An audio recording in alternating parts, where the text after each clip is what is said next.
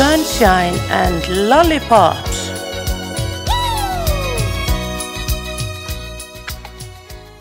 Já, góðan daginn. Hver er komin hérna við borði á hverfiskutuna? Já, það er stóra spurningin. það er bara ég, Jakob. Jakob Birgisson, Já, uppistandari, jú. með bara fullt af jólasýningum í bígerð. Jú, mikið rétt. Bara takk fyrir að bjóða mér og, og, og til hann mikið með þáttinn. Takk kærlega og takk fyrir að koma. Mm. Hvað ertu búin að vera uppistandari í mörg ár? Þrjú ár. Já, Ég, uh, já, það er svona formulega, já, í þrjú ár. Ég brunni við þetta í þrjú ár. En uh, maður auðvitað hefur svona eitthvað verið að grínast og, og þess að það er eitthvað svona í mentaskóla og svona en, en ekkert af reyni alvöru. hvernig dættir þetta í hug? um, mér datt þetta í hug? Þetta var svo sem alveg, alveg verið svona kannski í svona maður hefur hugsað um þetta í einhver tíma sko, bara síðan maður var yngri en aldrei af alvöru. Maður hefur bara séð upp í stand og það var gaman og svona en, en maður var kannski ekkit endilega að hugsa um að, að leggja það eitthvað fyrir sig. En síðan man ég bara í mentaskóla líklega á þriðja eða fjórða ári þá uh, var til dæmis Ísakvinu minn að vinna með mið Íslandi. Hann var svona að keira sýningarnar bara og eitthvað svona og sjá um hljóð og allt var í lægi og eitthvað svona hefbundið uh, Ísak Henriksson.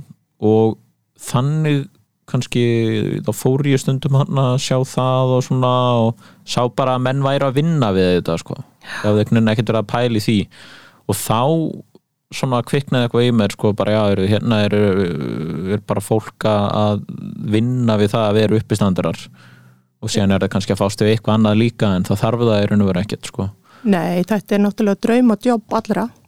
Já, já ég, ég segi ekki allra en, en, en allavega þetta er mikið draum og jobb sko, finnst mér. Um, þannig að þegar ég sá að þetta væri raunhafur möguleiki þá ákvaði ég bara að keira á þetta og uh, talaði nú í svolítinn tíma um að ég ætla að halda uppistand og síðan fekk ég mitt uh, uh, fyrir nefndan Ísak til að hjálpa mér við að setja þetta allt upp Var þetta ekki á Hard Rock, fyrsta sinnigiðin? Jú, við bókuðum þann sal og uh, hérna settum hann bara settum þetta bara í sölu þetta var í oktober 2018 Og, og, þú rústaðir bara markaðnum. Þú varst bara frægur á einni nóttu.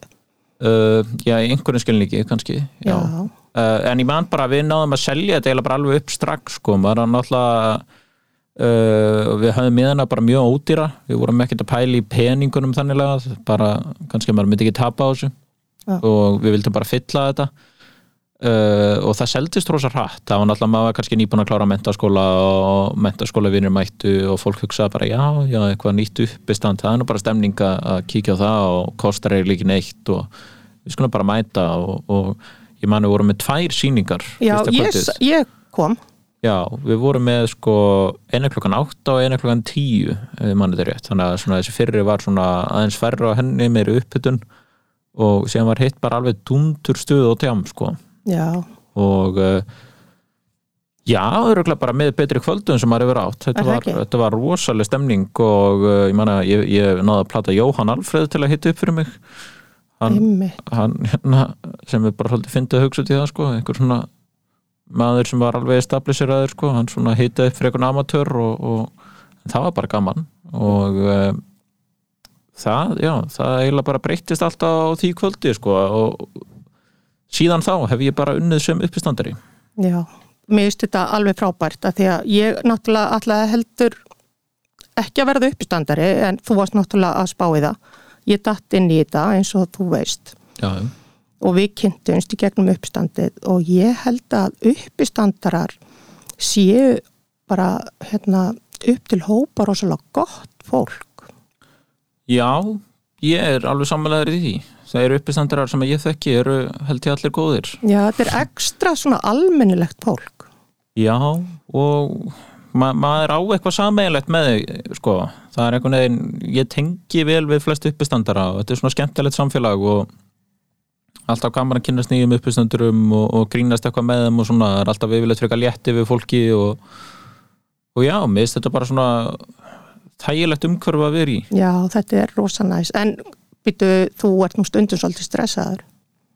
Já, já, þetta er náttúrulega þetta er uh, þetta er svolítið, maður fer svolítið upp og niður í þessu eins og, eins og í sumu þetta er náttúrulega maður er kannski að, að uh, hvað getur maður sagt, sækja sér eitthvað adrenalín í þessu, þetta er náttúrulega bara eins og einhver spennufíkni eða eitthvað.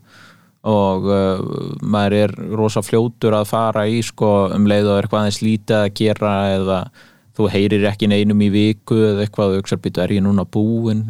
Já já, fólk er, fólk er búið að gleyma mér það er allir búin að fatta hvað ég er umöluður og, og það er já já núna er þetta bara búið og, og þetta var skemmtilegt að með að náði stóð og eitthvað svona síðan allt í hennu koma simringingar og þá var maður hálf manni skur já já er, þetta gekk allt vel maður og þú veist þetta er svolítið svona. Já, ég tengi við þetta að ég hérna á það til að rakka mig rosalega niður og daginn sem að ég ætla að vera með uppstand þá verði mjög skapon Já, ég meina það er stutt í niðurrifið og svona en, en á sama tíma held ég ég sé nú töluvert skarð með þetta núna en ég var, var til að byrja með sko og ég, maður svona reynir að tilninga sér eitthvað jafnað ekki þessu. Maður er alveg, maður hefur alveg séð það núna og líka í COVID eftir það þú veist maður gleymist ekkert bara vinnu nóttu sko. Um leið og fólk þarf að fá uppistandara þá það er ekki eins og við séum mjög mörg í þessu. Þá, þá kemur nafnum hans upp og, og maður fattar að maður er kannski ekki búin að missa það og svona. Ég held að þetta sé bara mjög algengt í listagerinum almennt, fólk sem leikarar líka tónlistamenn og svona.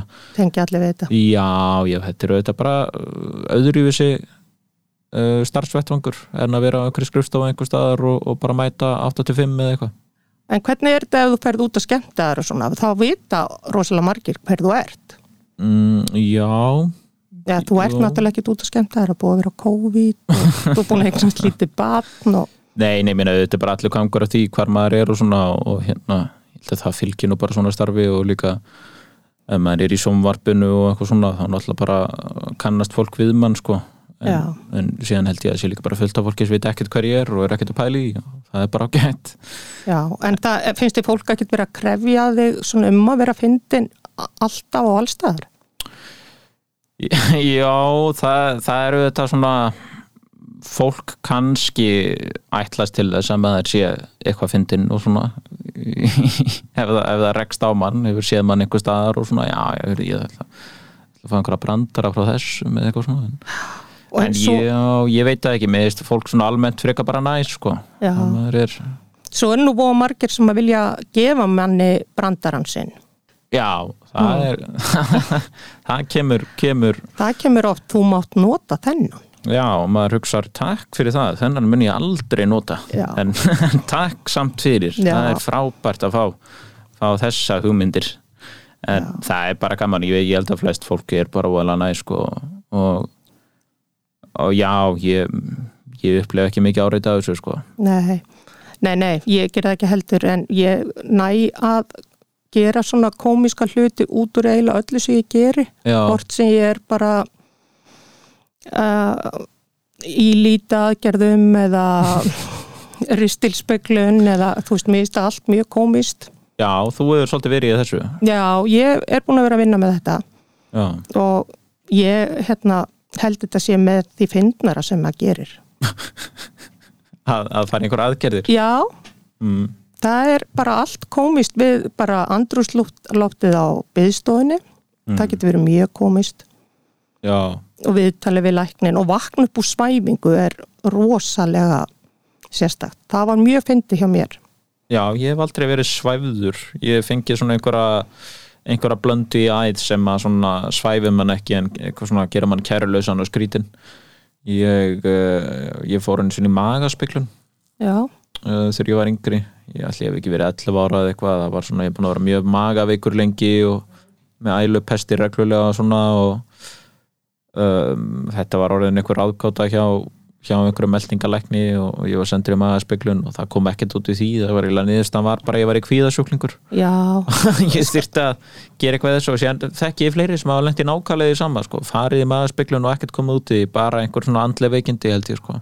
já. Varstu kvíðin sem krakki? Já, mjög kvíðin sem barn uh, Hvað var að stressaði mest? ég bara eiginlega átta mig ekki á því það var bara það var bara allt mjög uh, kvíðvænlegt í skólanum og svona og mér fannst uh, mér fannst bara alltaf eins og vera eitthvað slæmt að fara að gerast eða uh, ég veit eiginlega ekki hvernig ég á að útskýra það. Maður, þetta var bara rosalega óþægilegt. Maður var mjög kvíðan á þessum tíma og já, ég veldi oft fyrir mér hvers vegna sko, því að svona í setni tíð er ég almennt ekkert kvíðin í einhverjum hefbundum aðstæðum, þú veist, auðvitað, auðvitað verður maður kvíðin og kannski verð ég kvíðinari oftar en einhvert annað fólk en, en ekki þannig að ég líta það sem eitthvað svona hrikalegt vandamál hjá mér að vera kvíðasjúklingur eða eitthvað svoleiðis Nei, sem Petur fer, það er rosa erfitt að vera kvíðin til lengdar, það er, það er ekki þægilegt já, ég þekki það, ég hef dílað við mm. kvíða. Ég gerði mér fyrst ekki grein fyrir því hvað, hvaða tilfinning þetta var.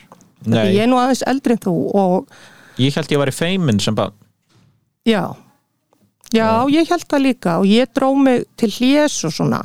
já, ymmit, það var oft þannig á mér líka, ég var ekki endilega að sækjast í aðtegli eða vera upp á sviði eða tala fyrir framann fólk eða eitthvað svoleiðis, mér varst það alveg mjög óþægilegt og, og bara leið, leið mjög illa í slíkum aðstæðum. Eða ef ég gætt séð fyrir og það væri eitthvað slíkt í vændum þá, þá allir það mér bara kvíða til lengdar Já, en nú kemur upp frá rosalega góðri fjölskyldu og þau örgulega haldið þétt og mikið utan um þig og fengið gott uppeldi og já, þannig en já. kvíðin, hann bara treður sér þar sem hann finnur plás. Já, og ég held að fóldrar mínir hafa ekkert endilega átt að sjá því að ég var í kvíðin ekki fyrir þá bara setna meir uh, og ég var kannski kvíðinar í skólanum og svoleiðis en heima, heima á mér sko.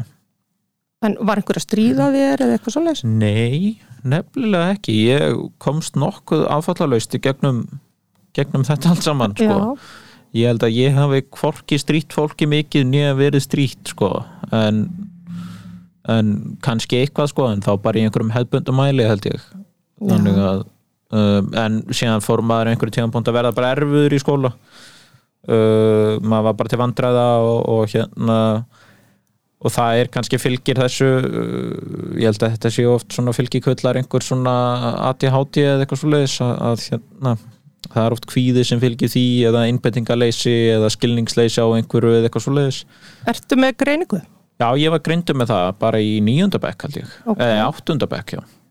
Og fóstu á lifi eða eitthvað svoleiðis? já, ég var sendur á einhver svona innbendingarlif og var lengi á þeim sko og það alveg bara bjargaði lífinu held ég Já. Ég gati ekki lært sko.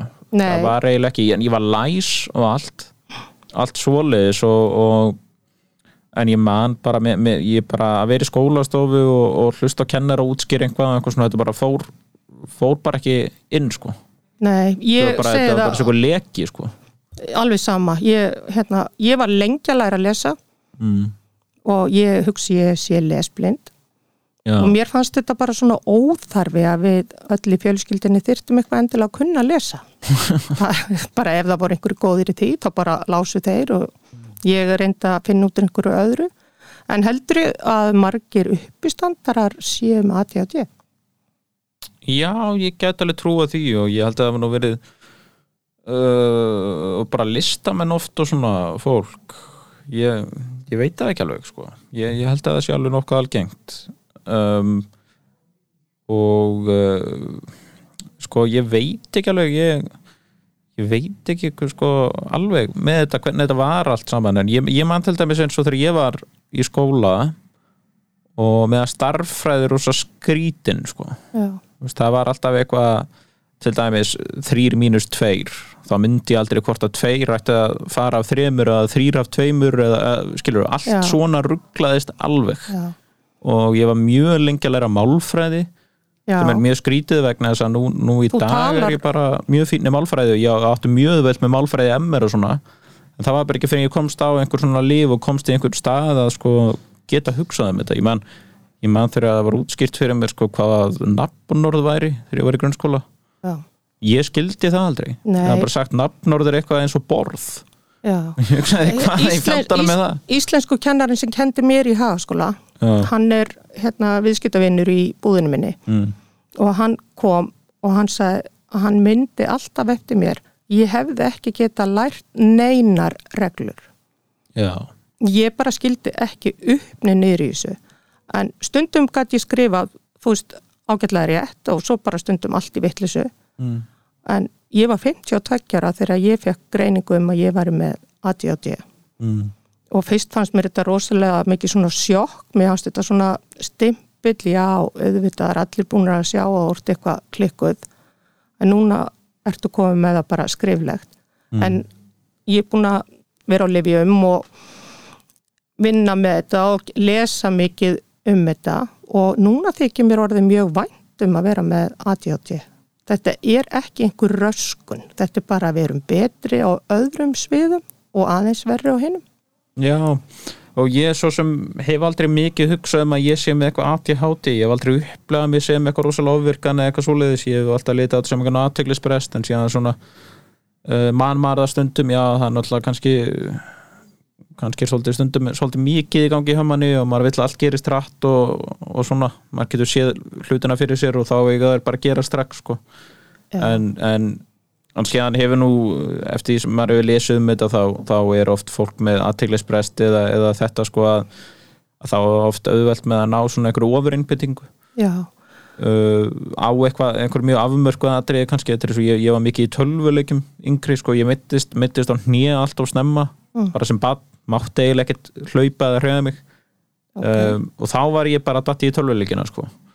Og þá vildi ég bara taka það allar leið, ég þóldi ekki að vera lélugur í því og þá, þá var ég lengi í því, sko. Og, og Það- þetta, verður svolítið allt virka svolítið hjá mér sko. ég tek eitthvað eitt tvent fyrir og reyni bara að verða góður í því sko, og reyna að skilja það vel. Já, en það er það alveg nóg. Maður á ekkert að þurfa að vera í þessu bóksi og kunna allt svona sæmilega.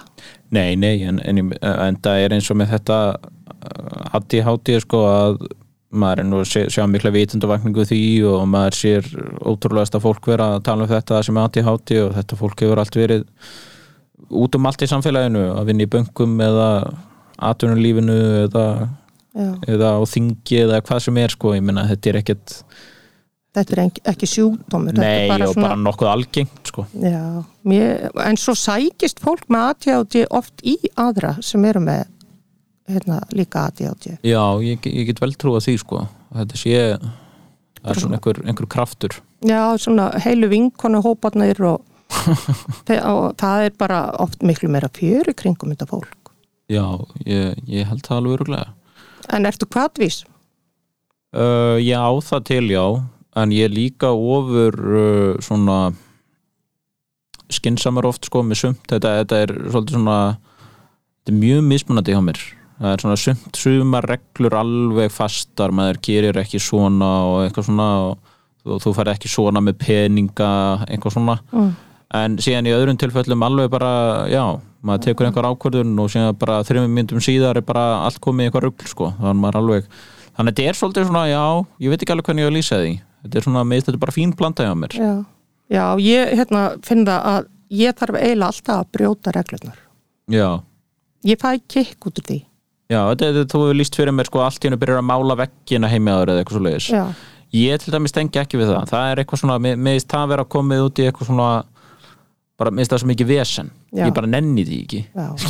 já og Hinrik minn yngsti, hann er örgla þar, hann þarf að vera búin að setja þetta svona upp og búa til verkefni, menn ég bara allt í einu er byrjuð að mála. Já, einmitt Og svo er ég kannski bara allt í einu hætt að mála og farin, kannski á barinn og hitti þig og, einmitt og við fyrum kannski bara á tónleika og já, þetta Já. bara gerist allt svona hratt og, já, en ekki eftir neitt svona uppskrift. Nei, ég reyna allavega halda einhverju jafnaði í þessu þannig að það fær ekki allt í raugl en, en það er bara fínt að, að- vera opinn fyrir því að, að skipta um skoðun eða, eða gera eitthvað hratt öruglega ég held að það sé bara mjög mikilvægt að, að, að vera ekki búin að ákveða að maður ger ekki ákveðna hluti eða eitthvað svoleiði sko. En þú varst búin að ákveða því langa eignar spann, ungur. Já, það, ég beit það í mig mjög snemma sko, ég veit ekki af hverju ég, ég, ég, það gæti verið bara eitthvað með að, já, þrjú sískinni og, og það var allt gerst á svona mismunandi tíma eldri bróðum minn er uh, sko, hann er að vera þrítur ég er 23 ára Mm. síðan er sýsti mín að verða átján og bróðum minn að verða 16 Já. og þetta var svona, þetta er svolítið stórt bíl sko. Um, það þetta trublaði mig alltaf eitthvað. Mér, ég hugsaði bara fólk að bara eignast nefna 2-3 og síðan bara gleyma þessu sko. Já, og bara klára þetta. Ég verður bara til að vera bara afi 55 ára og vera ekkert að pæla í einhverjum börnum. Já, nú var ég 22 að verða 23 þegar ég átti fyrsta barnið. Mm. og verð 60 á næsta áru, ég er ekki orðin amma nei, ég mitt. Mm. síðan, síðan getur það líka gerst. Ég maður getur alveg verið hugbúin því. Já, fólk er alltaf að gera þetta svona setna og setna ég ég, ég þykki svolítið ungur eignast bara 22 ára. En þú veist, ég veit það ekki, ég hef aldrei eitthvað pælt mikið í því, mér finnst það bara þægilegt. Ég síðan er náttúrulega bara fólki í rosalega mismunandi aðstöðum. Sem eru bara ennþá í námi eða ekki gíbúð eða hvernig sem það er.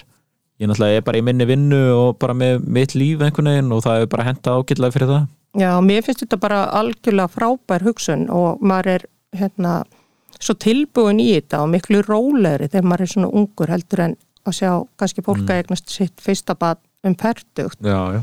það er svona alvörugefnara og hefur meiri áhyggjur af hlutunum Já, það getur verið þannig sko. Um, en ég, ég einhvern veginn mitt myndi aldrei sko ég myndi aldrei fara að hvetja jafnaldra minn til eignast batn ef, að, ef hann er eitthvað ekki spenntu fyrir því sko. Ég, ég held að þetta sé líka svona ég held að það sé þreytandi að eignast batn eða þú nennir því ekki neitt sko. Já, ég held þú ættir bara að sleppa því þegar þú nennir því já, já, þetta er svona þetta er náttúrulega þetta er alveg vesen en það er ímislegt hefur gott, gott í, í för með sér sko. Já, ég, ég var mjög ung þegar ég lakkaði til að eignast batn og heimili og ég var 16 ára þegar ég var að vinna í háskólabíu alltaf með skóla. Mm. og þegar ég fekk útborgaði mánaðamót þá fór ég alltaf að kefti í búið.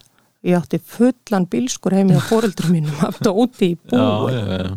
og bara mér langaði að verða bara húsmóðir með batn og fallegt stell og nilfisk ríksugu og kitsinni trærvel og bara sjá um jólabóðin Já, Og- ég, ég get svo sem alveg tekjandi þetta einhverju leiti, ég man sko þegar amma dó það nú verið 2017 held ég. Hvað er ég þá gamall? Það eru þrjú, hvað ári núna? 2021, Já, hvað er ég þá? 18, 19 ára einhvers Já. leiðis þá hérna það man ég að hún, hún bjóði svolítið stór einbýlishúsi að við hafið dáið fyrir og svona og, og, og þau voru bara tvö sískinin, mamma og bróður hennar og ég meina þau þannilega eiga allt þau tóku eitthvað og svona og ég segir þetta stell hérna, ég finn ekki nákvæða því. Nei, nei. Heru, ég tek það bara og þá var það geimt í einhverju geimslu fyrir mig sko, ég meina ég, ég var ekkert byrjað að búa neitt. En þið langaði stellið. Já, já, ég hef gott stell og ég tók bókahillu þarna og, og herbyggjum eitt í maður pappa var eiginlega bara kallað dánarbúið sko. það var svo mikið úr dánarbúinu ég var bara að hyrða allt þannig Já, kannski ekki fengið einhver silfurnývapör og svona? Jú, jú, maður, á en séni það líka sko, það er svo mikið vesen maður þarf ekki að vera að fæja þetta eitthvað og, vera að pæla í þessu. En þú ætlar ekki að fæja fyrir þessu jól? Nei, það ætla ekki að gera, ég, ég ætla bara að fara til tenni Já. og ég ætla að koma líka. Já, hm. Ég, ég er spenntur fyrir þessu. Ég, ég hef nú yfirleitt verið á Íslandi bara um jólin. Já. uh, fór eins og til Kaliforníu til að fóröldur mínu byggja þar og mér líkaði það mjög vel. Var jólalegt í Kaliforníu?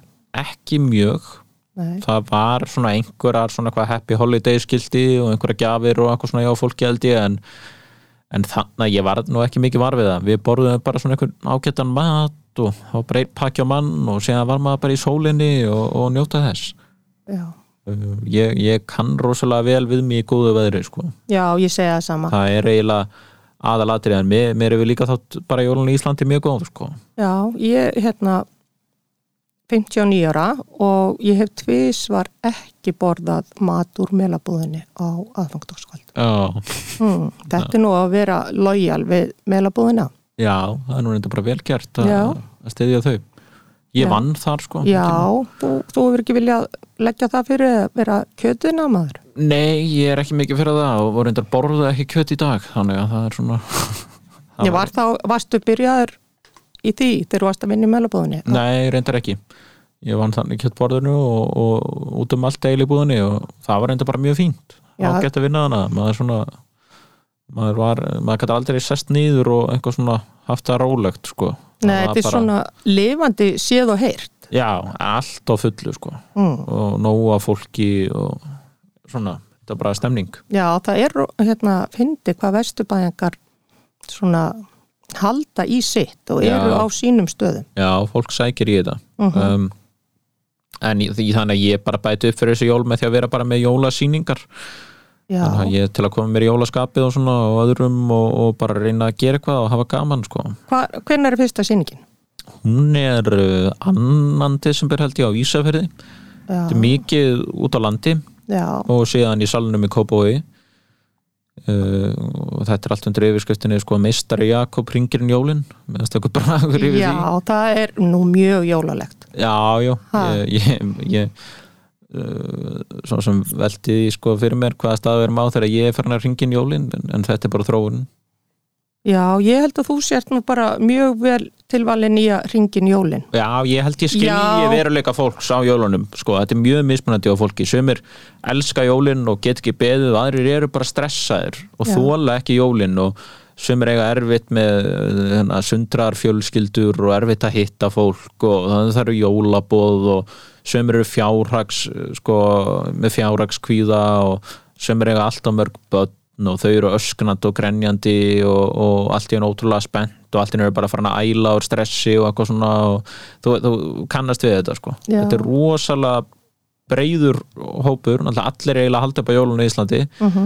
uh, en þetta er mjög mismunandi á fólki. Já, ég, hérna, ég held að það sé bara fínt að mæta, mæta góða síning og hlæja sko. já, það er mjög margt spauilegt við jólin. Já, já, ha, Þetta er náttúrulega rosalega fyndið að maður taki niður kannski einhverja fallega hluti sem að gleðja mann og maður setur eitthvað svona djönglega hluti, minn og jólaskraut er oft svona eitthvað djöng þetta er oft bara eitthvað rusl. Já, um, en, en manni finnst þetta eitthvað svo sætt svona í nóvember. Já, já. En ég meina þegar ég var bann þá þóldi ég ekki jólin. Og við vorum fjögur sískinin og það var stress og hávaði og, og allir með mismunandi þarfir. Við vorum öll á mismunandi aldri og ég var oft veikur um jólin sko, fekk bara ælupest uh, milli jól og nýjár sko. En síðan hef ég bara tekið jólinn fyllilega í sátt og ég er bara ánæði með þetta. Ég hugsaði sko svona hátíðir sem koma ykkur einast ári mm. annarkvort er maður bara með eða ekki. Já, og það er þá bara best að, taka þessu fagnandi og, og gera þá eitthvað skemmtilegt úr því. Já. Og bara gera eitthvað skemmtilegt allan desibir eins og að fara á jólasýninguna þína. Fara á tónleika já, fara eitthvað niður í bæ skilur við gera eitthvað, reyna að gera eitthvað þannig að svona hafa gaman að þessu. Já ég bónd alveg við það mér fannst jólin ofbóðslega erfið þegar ég var mm. pappi minn var trompetleikari og spilaði mikið út um allar trissur og svo hérna va- sá hann um jólaskemmtanir í kópóinum og svona þannig að þetta var mjög mikið stress og álag já, og mamma var alltaf í fullri vinnu og þarna var ekki farið að skreita fyrir ná þólasmessu.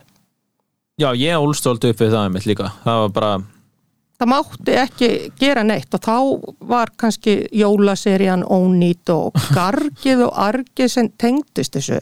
já ég menn þetta var oft mikið álega á fóröldum mínum og, og við vorum í lítill og veru, þetta var allt svona allir með lítið pláss og síðan voru þið að vinna rosalega mikið og svona en jólin voru alltaf ágætt sko, það var alltaf ágætlega séð um þetta hjá þeim en, en það var einmitt oft sko, það var oft bara ekki tími til að taka upp skrauti fyrir bara hana rétt fyrir jól sko. Já, en síðan voru seríunar oft svolítið svona uh, út veturinn sko, það sem er náttúrulega alveg sniðugt það er mikið myrkur og, og, og svona. Já. En mamma mín lendi ofta á spítala milli jóla og nýjás og svo kom það í ljós og hún var með svona rosalegt ofnami fyrir greni. já, Þannig að við vorum bara með þeim fyrstu sem fengur svona plast jólatri gerfi. já það hafi verið frumkvölar í því. Og ég skammaðist mér svolítið fyrir þetta tré þannig að mér langaði alltaf að vera með alvöru tré já, og hef svona unni í því og í fyrra var ég með tvö jólatré. Tvö? Já, og, og af hverju, þú veist, voruð það á sama stað nei, ég var með eitt inn í stofu. Þú veist það með greni og furu eða? já, já, nei, ég var með hvorugt. Þetta voru tvö svona mjög flippuð tré. Kefti eitt hérna niður á torgi, það var svona skakt og ég hafði það í á, í barherbygginu sem að ég var með heima, port 10 Ymmit, já. það var rosalega fallegt tré Gott að hafa svona barherbyggi, ég miðist þetta mikil metnaður. Já, þetta gjörsamlega bjargaði rosalega miklu minni fjölskyldu. Við vorum að leysast upp bara í leiðindi Já, en svo þegar var búið að finna stað fyrir mig þar sem ég mætti bara sitja einn að svumbli mm. þá, þá komst svona jafnvægi á fjölskylduna aftur. Það er bara frábært. Svona á þetta að vera. Fólk á að vera að lausna með og reyna að finna eitthvað sem að hendar öllum í fjölskyldunni og reyna að gera þetta bærilegt fyrir alla. Já, Ég held að það sé. En þannig að ég er, ég er orðin bara þannig að ég er yfirleitt spenntu fyrir jólum og reyni að, að vera jákaðu fyrir því. Ég á oft erfitt til að rútína reyðilast svona og maður hættir að lifa eðlulegu lífi einhvern veginn. já, Uh, mér finnst það að vera oft nógu skrítið hjá mér fyrir bara út af vinnu og hvernig ég vinn og svona og þannig að mér finnst alltaf páskar, jól og, og svona bara mér finnst þetta oft skrítið já. en þá er um að gera að Páskarnir eru nú miklu afslappari. já, en mér finnst það oft einhver pressa um að eitthvað eigi að vera einhvern veginn hvar ætli þið að vera á páskadag eitthvað svona, þú veist, hvers konar spurningar það til Já. dæmis, ég, veit það ekki ég er ekki byrjað að pæla hver ég ætla að vera á hérna, eða pálmasunnudag eða eitthvað, þú veist, ég Já. bara ég hef ekki hugmynd um hver ég ætla að vera Sko þetta eru svona fimm dagar þar sem að væslunum okkar er lokuð, við erum alltaf með lokað á laugadeginum. Þannig að yfirleitt er þetta bara svona rosalega góð kvíld. Nema fyrir nokkrum árum þegar hann gilfi datt og handlisbraut sig á föstaði langa. Æ, Hann alveg rústaði páskahátteginni fyrir okkur. og maður hann þá bara til vandræða allan tíman eða Já, við sögðum sko að þetta var á föstaði langa, við ætlum bara að lappa út í melabúð og kaupa sætar kartublur, bara svona góðan göngutúr og hann dettur niður af gangstjött og brún við káirheimilið og ég meina þetta eru fjóri sentimetrar og maðurinn er allur stór slasaður. Æ, Já, og við keirum hann eða það kom vinur Georg, sonur okkar, hann bara kom akkurat keirandi þarna og ég heyrði brotljóð. Þannig að hann skuttlar gilfa upp á slísástóðu og hann gilfi emjaði alveg og grís þannig að hann var tekinn fram fyrir og gefið bara morfín. Og þá kom það í ljós að hann hafi brotið á sér úliðin en hann var bara með glóðurauga og allur marinn. Og hann var búinn að fá eitthvað að verkefliðum á spítalanum. Og við komum heim og ég opna bara kvítin og gaf hann aðeins meiri verkeflið og held ég myndi fá svona nokkra klukkutíma í pásu. Og næs og í hann og þá byrjar hann aftur að garga þetta og heldur því fram að hann sé þá brotin á hinni hendinni. Æ. Og ég var búin að fá mig kvítvin og við flest öll í fjölskyldinu nema Henrik keirir hann upp á sleisaðastöð og við bara áttum skemmtilegt kvöld fjölskyldan þegar ég allt í einu fatt að hann er kannski búin að vera óeðlega lengi upp á sleisaðastöð ringi þá er bara svona neyðar ástand hann er bara svona kvalinn maðurinn. Og var hann þá búin að marg brjóta sig eitthvað? Vítu nú við. Við vorum öll búin að fá okkur bara smá kvítu inn á fyrstaðalanga Já, og tókum leigubíl upp á slisástaf. Það er ekki þægileg tilfinning að koma aðeins í því og gilvigreiði finnur svona hryllilega til. Og það var búið að gefa honum ketamín og fentanil og meira morfín og þú veist bara það sem að mennirnir hérna á götinu slást um já, Þetta var maðurinn búin að fá alveg í stórum sköndum. Þá hafði blætt inn á svona eitthvað karpaltönnel eitthvað í úliðnum og hann fann svona hræðilega til greiði maðurinn. Og loksins þegar hann sopnar um fimmleiti þá kemur læknirinn til mín og segir hann per bara á B5 og ég sagði hann er ekki nokkru ástandi til að vera þar maðurinn. Ekki betra að ég kíki á B5 En sem betur fyrir reysan upp frá döðum að ég held hann væri að fara.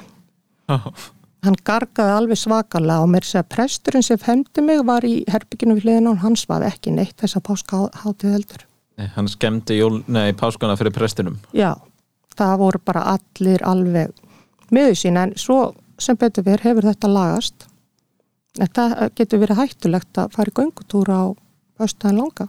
Já, ég mér sko trúa því þetta vonandi læri fólk að þessu og, fyrir gætilega á fyrstu deginu langa Já, en ég segi er svo þegar við erum búin að slökva á hljónum og hvað gerðist? Þegar ég heimsóttan daginn eftir. endilega, segðu mér það segðu mér það eftir. Já, en já, já, þetta eru þetta en þetta eru bara fínar átíðir, maður verður bara að taka því eins og, eins og öllu öðru og, og ég held nú að flestir íslendinga bara njóti þess. En, en ég held að núna með eins og til það bara alltaf verið svo rosalega mikið um tónleika já, jóla tónleika og ég, ég hef nú eiginlega aldrei farið á slíkt ég veit ekki alveg, er, er fólk að syngja jólalög eða er það bara svona að syngja 2-3 jólalög og síðan einhver lög og Ég myndi mæla með að myndi tala við hann Hinrik, són minn, hann vann í nokkur ári í hörpu mm. á öllum jólatónleikum og hann gjörsanlega fólir ekki jólalög eftir að hafa unnið nei, Þetta var á mikið fyrir hann. ég, ég nefnilega held að, að uppistandið munni sæki sér veðrið á, á svona tímum um, fólki finnst rosalega gaman á uppistandi en það er samt, þetta er ennþá að gerjast einhvern veginn í menningunni, þetta er ekki alveg svona uh, það er bara ekki eins og allir sem hafa farið á uppistand skilur, Nei. það hafa allir heyrt tónlist. Veitu hvað ég meina? Um, en Ari hefur náttúrulega uh, með áramóta Já, já, það, er náttúrulega- orðin först höfð bara hjá mjög mörgum, það Já. gengur rosalega verð, uh, milli jóla, jóla og, og áramóta og sér reyndar hann eitthvað út á landi líka aðeins fyrir og svona og, og ég held að fólk sé fólk verði spenntar og spenntara fyrir þessu. Að Já. geta líka farað upp í standi kringum svona átíðir Já, já maður þarf, ég hérna, fór stundum með mömmu minni til útlanda, bæði til Kaupmannahafnar og London og New York og svona, við fórum á og sáum netubrjótin. Já, Það var alltaf mjög jólalegt og það hefur verið syngt hérna í hörpu og svona, ég hef líka segjað það hér, það er svona startar svolítið jólunum. já, hljóma vel Já, svona ballettsýningar voru á jólalegt. ætlaði að verði svona tenni Ég held að íslenski barinn alltaf vera með hérna netubrjótin. já það var mm. gaman að fara netubrjótin þar Já, eigum við að aðtuga það? Já, ég meina við, við getum, getum reynt að standa fyrir þessu ef það verður ekki Já, ég, ég, ég æfði ballett í þjóðleikusinu sem bann. mm. Hmm. Já, ég er ekki ég, en ég geti eitthvað reynt að stýra þessu Já, ég held að þú, það, þú er ekki lengi að læra ballett. Svona undirstöðu spórin. Ég hef séð ballett, ég held að þetta sé ekkert mál sko. ég held að ég, ég get alveg hoppað og skoppað eins Já, þetta er aðalega að vera halda jafnvæginu. Já, ég er með fí, fínt jafnvægi Já, ok. Já, Já. Eigum við þá ekki bara að vera með síningu þarna við hardrock á amerísku ströndinni á nýjástaf, Mm. svona snemma í morgunin. jú, fólk getur komið svona eins og, og fengið sér einn afréttara og, og séð hnetabrjótin og ég held að þetta væri skemmtilegt til okkur Allir að taka með ykkur jólapakka? Nei, ég held nú ekki Við erum bara uh, uh, svona aðeins að að kvíla það þetta árið Já. það er bara nógu dýrt að fara svona og eitthvað og, og þú veist. Og litla dúlan er ekkit fann að fatta þetta. Nei, ég, þetta, þetta er til dæmis eitthvað sem ég skil ekki sko, ég fór til Parísar um daginn og fólk spurðu, já, já, keiftuðu ekki eitthvað fyrir badnið ég segi badnið, ég var hann í fjóra dag ég ætla ekki verið í einhverjum badnabúðum allan tíman Keiftur ekkit handa bann? Nei, Í meina, hún veit ekkert að hún vissi allavega að vera með útlöndum. Hún, hún hefði ekki haft skilning á því að hún fengi einhverja blússu, sko, hún áfullt af fötum. Hún er alltaf að fá föt. Hún, hún er alltaf Og fínt svo á hún einhvern tímann setna eftir að byrja bara að kaupa tollin. Já, einmitt, ég er bara að býða eftir ef hún hafi sko bara einhvern svona smá skilning á því að, að það sé eitthvað í gangi. Já, hún, já. hún átti afmæli núna í vikunni og, og það var svona lítið fjölskyldubóð hún vissi ekkert að hún ætti afmæli. En henni fannst alveg gaman sko, en, en þannig að ég, ég byrja á þessu svona um kringum tveggja ára aldurinn. Þá er byrjað allavega, að fatta. já, þau fattit ekkert. Og það er alveg nóg ofta að láta þau bara fá eitt pakka og ofti bara brefið og böndin og kortið nóg. Já, og, og já, já, ég ætla að passa svona að, að þegar hún átt að á þessu og hún, finnir fyrir ást sko. en ég, ég get ekki verið að, í París að, flakka mill einhverja barnabúða sko, bara til þess að, að hérna, líða vel með sjálf á mig sko. Nei. En hvernig var í París? það var alveg frábært fór þannig í byrjun oktober Já, og það er snildarborg já, og mér skilst að hún sé eiginlega bara að verða betri og betri að, að hún sem sagt færði sig aðeins úr hún minkaði bílaumferð tölvert hún var þrifin mikið. Já, og uh, það er eiginlega orðið þannig ég held að sé 30 km hraði allstaðar nema einhverjum svona svaka stoppbreytum á milli flugvallar og eitthvað svona. Um, er búið að setja sjansýli senir í 30. já, bara allar götur þannig held ég sko. Ok, um, sem þýðir að þetta, þetta gengur allt svolítið þægilega fyrir sig og þetta er mikið rafmagsbílar uh, og sen er mikið um hjól og svona en þetta þýðir sko að að uh, það er voðalega þægilegt að sitja eiginlega hvar sem er úti eða vera úti og finnur ekki fyrir að háfa þeir bílum eða neitt en samt eru þeir þarna og, og það er þægilegt að lappum það er hægt að taka leigubíl líka uh, taka lestina og svona og þetta var bara frábært. Ég held að þessi borg sem er mjög gott að vera í á haustin. Ég held að þessi verði rosalega heitan oft á sumrin. Já, föðursýsti mín hefur búið í París í 40 ár held ég. Ok. Hún á franskan mann og hún hefur með talað um sumri þannig að fólk er bara að deyja og hitta sko. Já, ég hef heyrt að fólk sé, til dæmis frakkar og svona sé að koma til Íslands og vera jafnvel í mánuð bara til að flýja hitan. Já, þetta fer oft upp í bara hátt í 40 gráður eða eitthvað að fólk er inni á sér ga- gamalt fólk, ég meina það getur bara dáið Já. það er ekkert gaman að deyja úr hita. Nei, það er voru leiðilegt Hvort heldur þessi verið að deyja úr hita eða kulda? um, Þetta er góð spurning Ég veit það ekki Ég held að komi svolítið út af því sama sko. Já, þessi bæði fyrir eitthvað óþægilegt. Já, Ah. en, en ég mæla eindrið með þeirri borg finnst hún uh, hún svona býður upp á upp á ymsa möguleika Já, við Gilvi höfum farið eiginlega á hverju ári bara í tæp 30 ár til Já. Barsar á haustin. Einmitt, ég leitaði nú einhverja ráði hjá þér ég fór á nokkra staði sem þú hafðir mælt með Já, það hefur náttúrulega alveg slegið í gegn hjá okkur. Já, þetta var allt, Ah. allt bara draumi líkast En ég er svolítið sjokkuruð ef að það er bara 30 km rafi á Sjansilisee. Að því að einsinu var ég með góðri vinkonu minni þarna mm. og við hittum listaverkasala. Já, Hann átti mjög flottan Porsche og hann bjóði Sjansilisee og það sem hann kerði hratt með okkur og hvað mér fannst gaman að fara bara á 150 km hraða í ringtorkið og svona, ég, ég hef ekki nefnt að lulla þetta á Porsche á 30 nei en þetta Nei, nei, ég svo sem get ekki svara fyrir það en ég, ég held að það sé bara 30 allstaðar sko. Já, Þetta er rosa þetta var, þetta er flott. Gaman að vera þannig þægilegt að gangum og, og, og ferðast þarna að milli og, og, og ég varði eiginlega ekki fyrir vonbröðum neinstaðar þannig nei, þetta er, þetta er bara æðislegt mm. Við fórum til Ítalíu, það var líka mjög fínt Já, Það er bara líka eitthvað svo gaman að fara aftur til útlanda. Já, það er alltaf algjör forréttindi sko. það er alveg ríkalega gaman. Já, mér fannst þetta samt allt í lægi að sleppi svolítið í þessu COVID-i.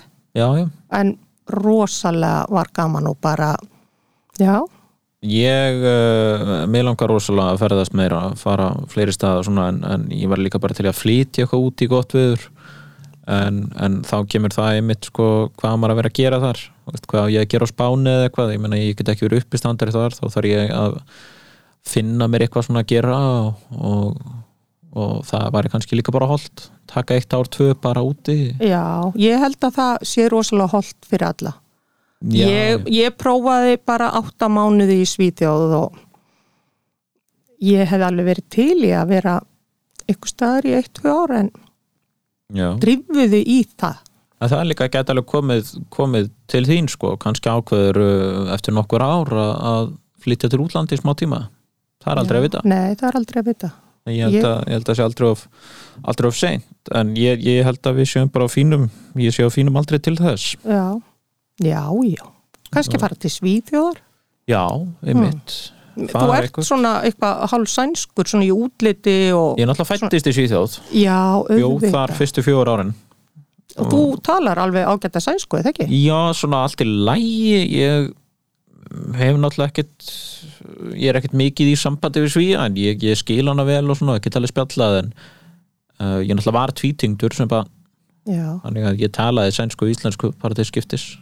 já Það er frábært land. Eigum við að fara til Svíþjóðar á næsta ári saman og þú bara kemur kannski með mér á tónleika með Abba Já, ég var rosa til ég að sjá Abba. Er, eigum við að gera það? Ég er Abba-maður, sko. Já. Þú er ekki Abba, ég er mikill Abba-maður. Já, ég er líka mikil Abba kona Mm. Mér langar, og mér langar rosalega til New York.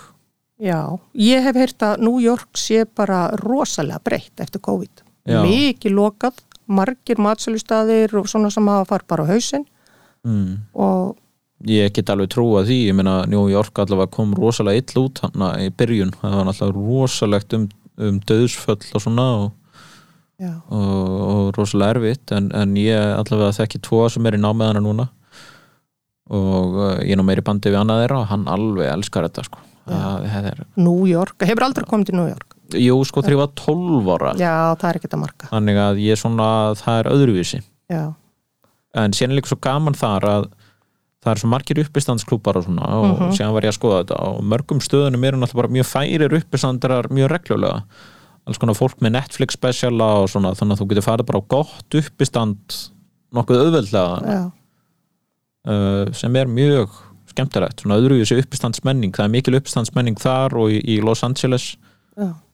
uh, og það er hvar byrjar uppistand svona, er, hefur spáðið það? Uh, ég eiginlega þekki ekki þá sögu sérstaklega vel, öruglega þarna? Já, er það ekki? ég er skammala illa að mér í þessu. Um, já, þetta bara allt hennu var bara allt, allt orðið í uppistandi. Maður var einhvern veginn ekkert að Nei, þetta er svona eitthvað sem Ari Eldjón geti uh, hann geti einhvern veginn fara að þylja eitthvað upp núna sko. Já, við erum ekki búin að vera nógu lengi í bransanum Nei, nei, ég hef bara ekkert mikið pælt í því en ég held að þetta sé svolítið í Ameríkunni sko. Síðan alltaf er röglega að leita langt aftur bara til Rómar eða eitthvað sko. Já, voru er það ekki, var ekki eitthvað hirðfíp sem að gerði grína konginum, það var einu sem fekk að gera grína honum á þessu að vera drepinn og eitthvað svona. Já, það var svona, hann- eitthvað uh, uppgjör. Já, hann var náttúrulega bara uppstandari Já, en, en þetta er allavega margir koma þaðan frá New York og svona uppistandarar. Það er örgulega líka rosa þægilegt að vera uppstandari þar, þú ert alltaf með nýjan og nýjan sal, það er svo mikið af fólki. Já, það er nefnilega máli að eins og í Íslandi það getur verið svolítið erfitt fyrir fólk að byrja uppistandi. Hvar átt að byrja? Já. Hvert ferðu? já, Áttu bara tróðir inn í eitthvað afmæl og skemmta? Það getur erfitt að halda eitthvað sjálfur. Fólk kann ekki við það. Skiluru Já. og síðan halda áfram að æfa það og æfa að æfa þig. Þú þarft svolítið að koma þér nokkuð snögglega inn í sinnuna já, og keira á það. Já, já, já, ég veit það. Að meðan að þannig getur þú flakkað um og bara prófa þig endalist áfram. Já, og þú ert ekki að fara að hitta þetta fólk. Nei, nei, ég meina og margir náttúrulega uppistandir erlendis eh, til dæmis, þeir, þeir fara á þess að klúpa og þeir fara kannski uh, þetta er náttúrulega oft bara í gangi stóna hluta dags þeir fara kannski rétt fyrir kvöldmat og fara síðan aftur eftir kvöldmat og fara síðan sent um kvöldi þá er þeir geta þeir prófað eitthvað efni sko þrísvara dag að þeir eru að vinna í einhverju. Já. þess vegna. En hérna, gætur þú hugsaðar að bara vera með uppstand á ennsku í New York eða eitthvað, prófa það? Já, já, ég get alveg hugsað mér það. Ég held að, það, ég held að þetta sé eitt af þessu sem að það bara prófa sko og vera ekkert að ofhugsa. Já, um, ég held svona þú veist, þetta er eins og ég er ekkert eh, eitthvað mjög örugur með ennskuna mína en síðan þegar maður fer til útlanda þá finnur maður alveg, þú veist, ég skil ennsku og tala ennsku og er með fínan orðaforða þetta er bara að prófa það og gera það nokkrum sinnum. Já, og það er ekkert nóg að gera það einu sinnu þú ert að gera allavega 20 sinnum kannski Já. skiluru bara íta þær áfram og þá allt hérna ertu komið með eitthvað hérna, komið með eitthvað takt í þessu og verður örugari með það og, og getur haldið áfram. Mér finnst þú alveg rosalega góður uppstandari og ég held að þegar ég fyrir á elli heimili þá ætlum ég alltaf að bóka þig svona eins og í mánuði já, með kvöld. Já, takk fyrir það. Ha, ég er spenntu fyrir því, mæta á elli heimilið og... já. já, já, ég ætla að vera á mjög skemmtilegu elli heimili já. Og ég ætla að byggja um að fylgjast með að þessi ekki margir á morgunvakt. Ég vil ekki láta rífa mig fram úr mjög snemma. Nei, ég mitt, og ekki setja mig í handafinu nei, ég skil þig. Hmm. ég held að það sé fínt markmið. Bara- Að gera það sem mann langar að gera. Já, vekja mig bara svona um háti já, og ekki gefa mér svona sak og grjónagraut og Nei. slátur.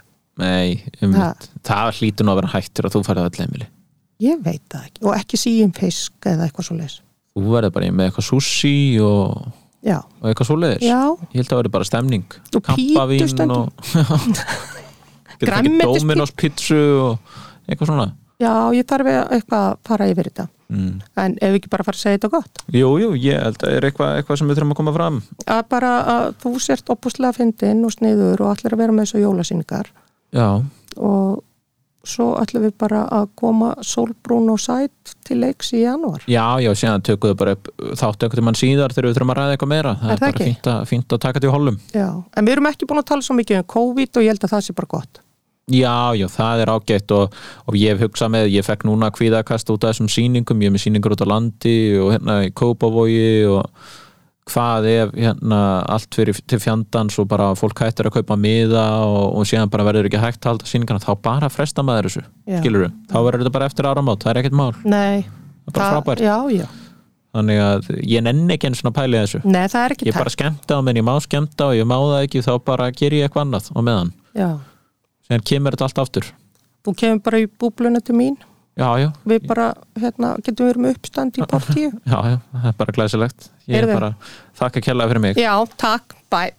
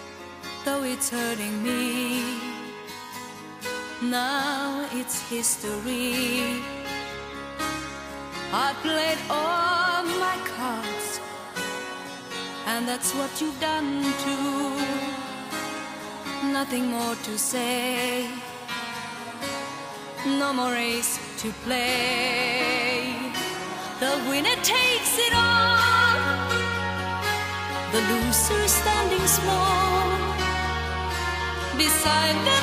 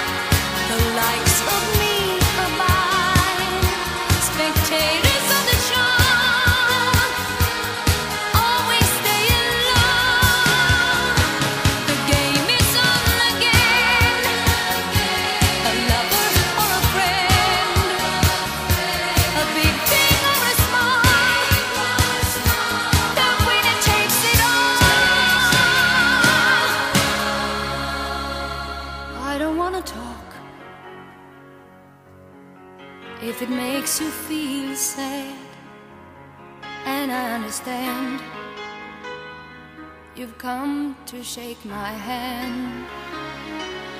I apologize if it makes you feel bad, seeing me so tense, no self confidence. But you see, the winner takes it.